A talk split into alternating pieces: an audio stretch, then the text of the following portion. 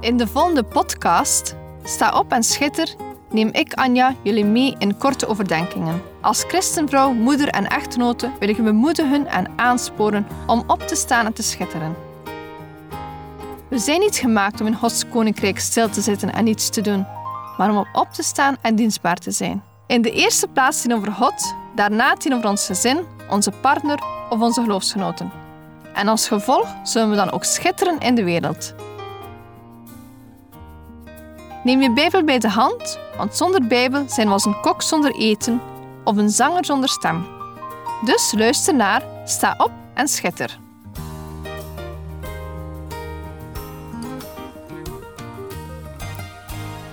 Vorige week had ik het over dankbaarheid en over het feit dat we ons geluk in God moeten zoeken. Vandaag sta ik stil bij het feit dat vorig jaar, op 13 september, mijn eerste uitzending van Sta op en Schitter uitgezonden werd. Mijn eerste podcast had als thema Laat je licht schijnen. Ik verwees naar de tekst in Jesaja 60 vers 1 waar er staat Sta op, word verlicht, want uw licht komt en de heerlijkheid van de Heere gaat over u op. Dus we worden opgeroepen om op te staan en te schitteren. Ik sprak in mijn eerste uitzending ook over het feit dat we een licht mogen zijn in deze duistere wereld. God wil niets liever dan dat we groeien in ons geloof, één stapje per keer. Hij wil ons slijpen zodat we een mooie diamant mogen zijn, die schittert. Mijn vraag naar jullie toe? Zijn jullie gegroeid in geloof het afgelopen jaar? Of zijn jullie nog steeds hetzelfde? Zijn jullie vol passie als het gaat over het evangelie van Jezus? Zijn jullie opgestaan om te schitteren in deze wereld? Ik hoop en bid dat jullie veranderd zijn. Het hoeven geen grote veranderingen te zijn, als je maar gegroeid bent. Alles begint bij het horen van Gods woord. Het woord horen is als jezelf voeden. Zonder voeding gaan we dood. Ik heb ook mijn kinderen, toen ze nog thuis woonden, dagelijks deze vorm van voeding gegeven. Ik heb dit gedaan omdat ik ze ook die gelegenheid op eeuwige redding wil meegeven. Al is dat een keuze die ze uiteindelijk wel zelf moeten maken. Ik krijg soms wel eens de reactie van ongelovigen dat ik mijn kinderen hersenspoel. En dat klopt. Maar iedereen doet dit toch tijdens opvoeding? Ik las het volgende over het woord hersenspoelen. Het komt van het Engelse woord brainwashing. Het is een methode waarbij een persoon de oude gedachten en ideeënpatronen, inclusief het normen- en waardenstelsel, worden uitgewist en vervangen door nieuwe. Zoals een herprogrammeren. Ik vind het mooi beschreven. We worden opnieuw geprogrammeerd. Dit geldt niet alleen voor onze kinderen, maar ook voor onszelf. Als je de keuze maakt om Jezus te volgen, stel je je open voor herprogrammering.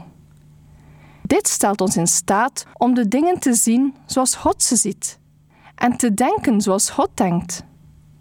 En als we het Bijbelboek Openbaring lezen, willen we warme christenen zijn. Ik zie mensen tot geloof komen en ze zijn vol passie en vuur.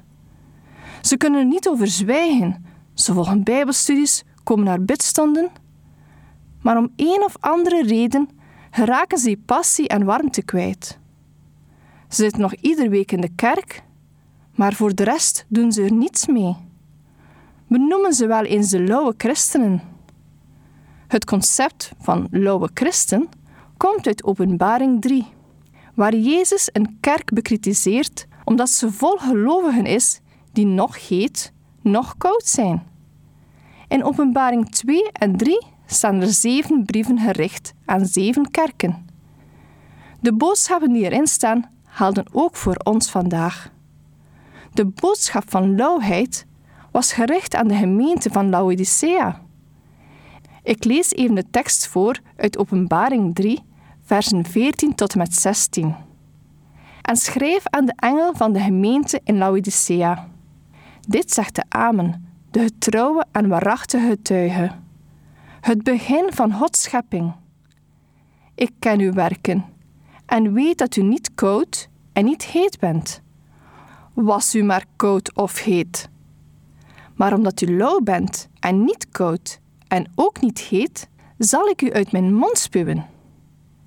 De naam Laodicea is samengesteld uit Laos, volk, en Dicea, oordeel. Dit laat ons zien dat het oordeel van God niet naar de kerk gaat, maar naar de persoon als individu. Laodicea was welvarend, maar in Gods ogen was haar situatie echter ellendig, arm, blind en naakt. Er was geen warmte meer en het vuur was eruit. God spreekt met een concreet beeld die voor Laodicea goed te begrijpen is. De stad stond bekend om het lauwe water. Er loopt namelijk heet water vanuit een bron naar beneden richting de stad. Eenmaal dat het water beneden komt, is het lauw. Ze begrepen dus zeer goed wat het was om ooit warm te zijn. Dat zet mij aan het denken. We komen tot bekering en staan aan de bron van Jezus. We ervaren een passie en dan gaan we op weg in ons leven, zoals het water van de berg afloopt. We blijven niet altijd dicht bij de bron en worden daardoor lauw. De vraag die ik mij stel is: kunnen we christen genoemd worden als we lauw zijn? In Matthäus 25 vinden we twee gelijkenissen die lauwe gelovigen beschrijven. Het eerste verhaal gaat over de maagden die hun lamp niet gevuld hebben bij de bron. Ze leven niet op een manier die uitziet naar de wederkomst van Jezus. Ze denken alleen aan hoe ze in het huidige moment comfortabel kunnen leven. Uiteindelijk missen ze de bruiloft. Het tweede verhaal gaat over een man die bij vertrek zijn rijkdom toevertrouwt aan zijn dienaren. Bij terugkomst bekijkt hij wat de dienaren gedaan hebben met de rijkdom die ze kregen. Helaas was er een slechte dienaar, die zijn talent uit angst verborg in de grond. Hij wordt aanzien als nutteloos. Twee verhalen waarin we zien hoe het volgen van Jezus gepaard gaat met daden en gevolgen.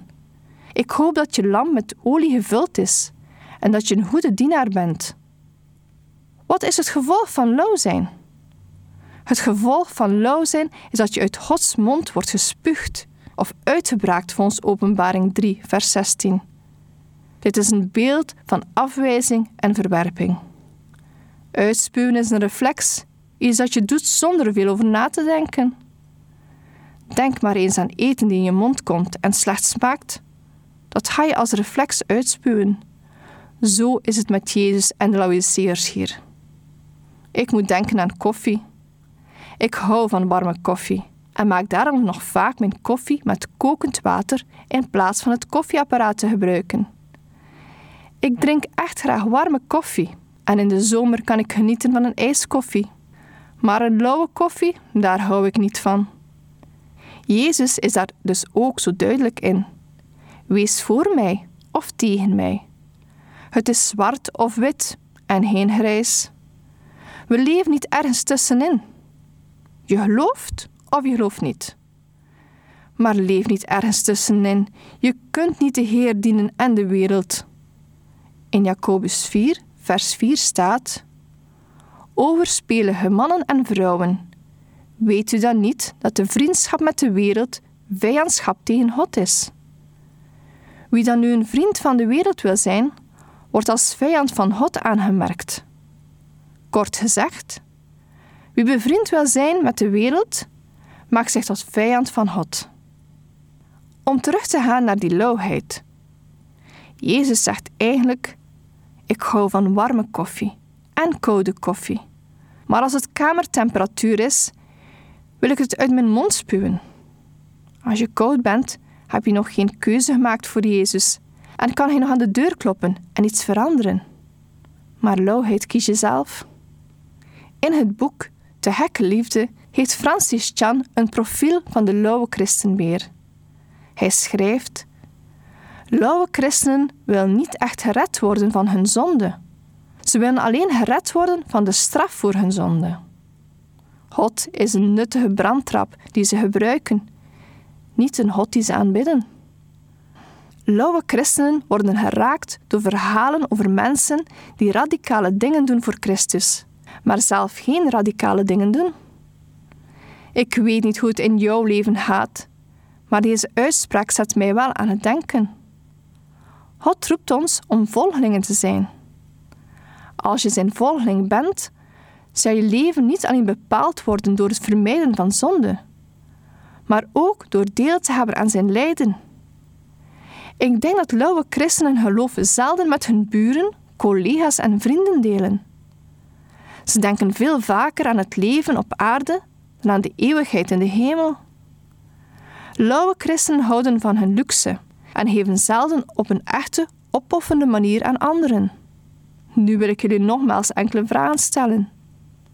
Zijn jullie gegroeid in geloof het afgelopen jaar? Of zijn jullie nog steeds hetzelfde? Zijn jullie vol passie als het gaat over het evangelie van Jezus? Zijn jullie opgestaan te schitteren in de wereld? Zijn jullie koud, lauw of warm? Het mooie is dat we een genadevolle God hebben. Een God die steeds met zijn armen open staat om je te ontvangen. Ben je koud? Maak de keuze vandaag om Jezus te aanvaarden als je redder. Hij stierf voor jouw zonden. Ben je lauw? Ga dan terug naar de bron. Ga in je Bijbel lezen. Ben je warm? Houden zo. En straal die warmte uit naar anderen, zodat ze jaloers worden en ook willen wat jij hebt. En als afsluiting lees ik de laatste woorden van mijn eerste uitzending opnieuw. Geloof in de kracht van God. Sta op en schitter deze week. Begin met kleine dingen. Deze podcast kun je steeds opnieuw beluisteren via de website en app van twr.be. Als je deze aflevering leuk vond en je wilt de podcast helpen ondersteunen, deel hem dan met anderen. Heb je gebed nodig of wil je reageren op deze uitzending? Zend dan gerust een mailtje naar anja.twr.be. Bedankt voor het luisteren.